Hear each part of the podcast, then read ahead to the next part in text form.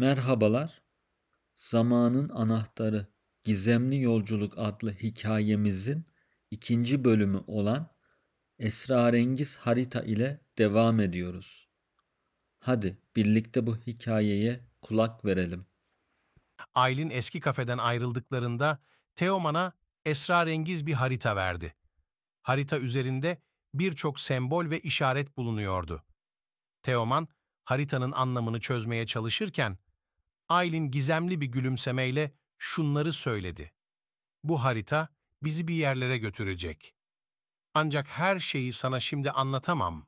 Teoman, haritayı inceledikçe üzerindeki sembollerin ve işaretlerin bir dil olduğunu fark etti. Burası neresi? diye sordu. Aylin, gizemli bir hava içinde. O yeri bulmamız gerekiyor. Orada bizi bekleyen bir şey var, dedi.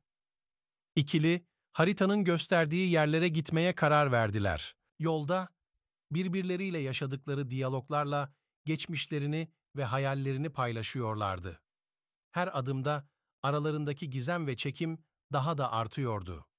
Bir gece haritanın gösterdiği son noktaya vardıklarında önlerinde eski bir tapınak belirdi.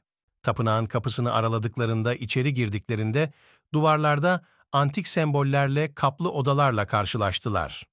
Teoman, bu yer gerçekten de gizem dolu bir geçmişe sahip gibi görünüyor.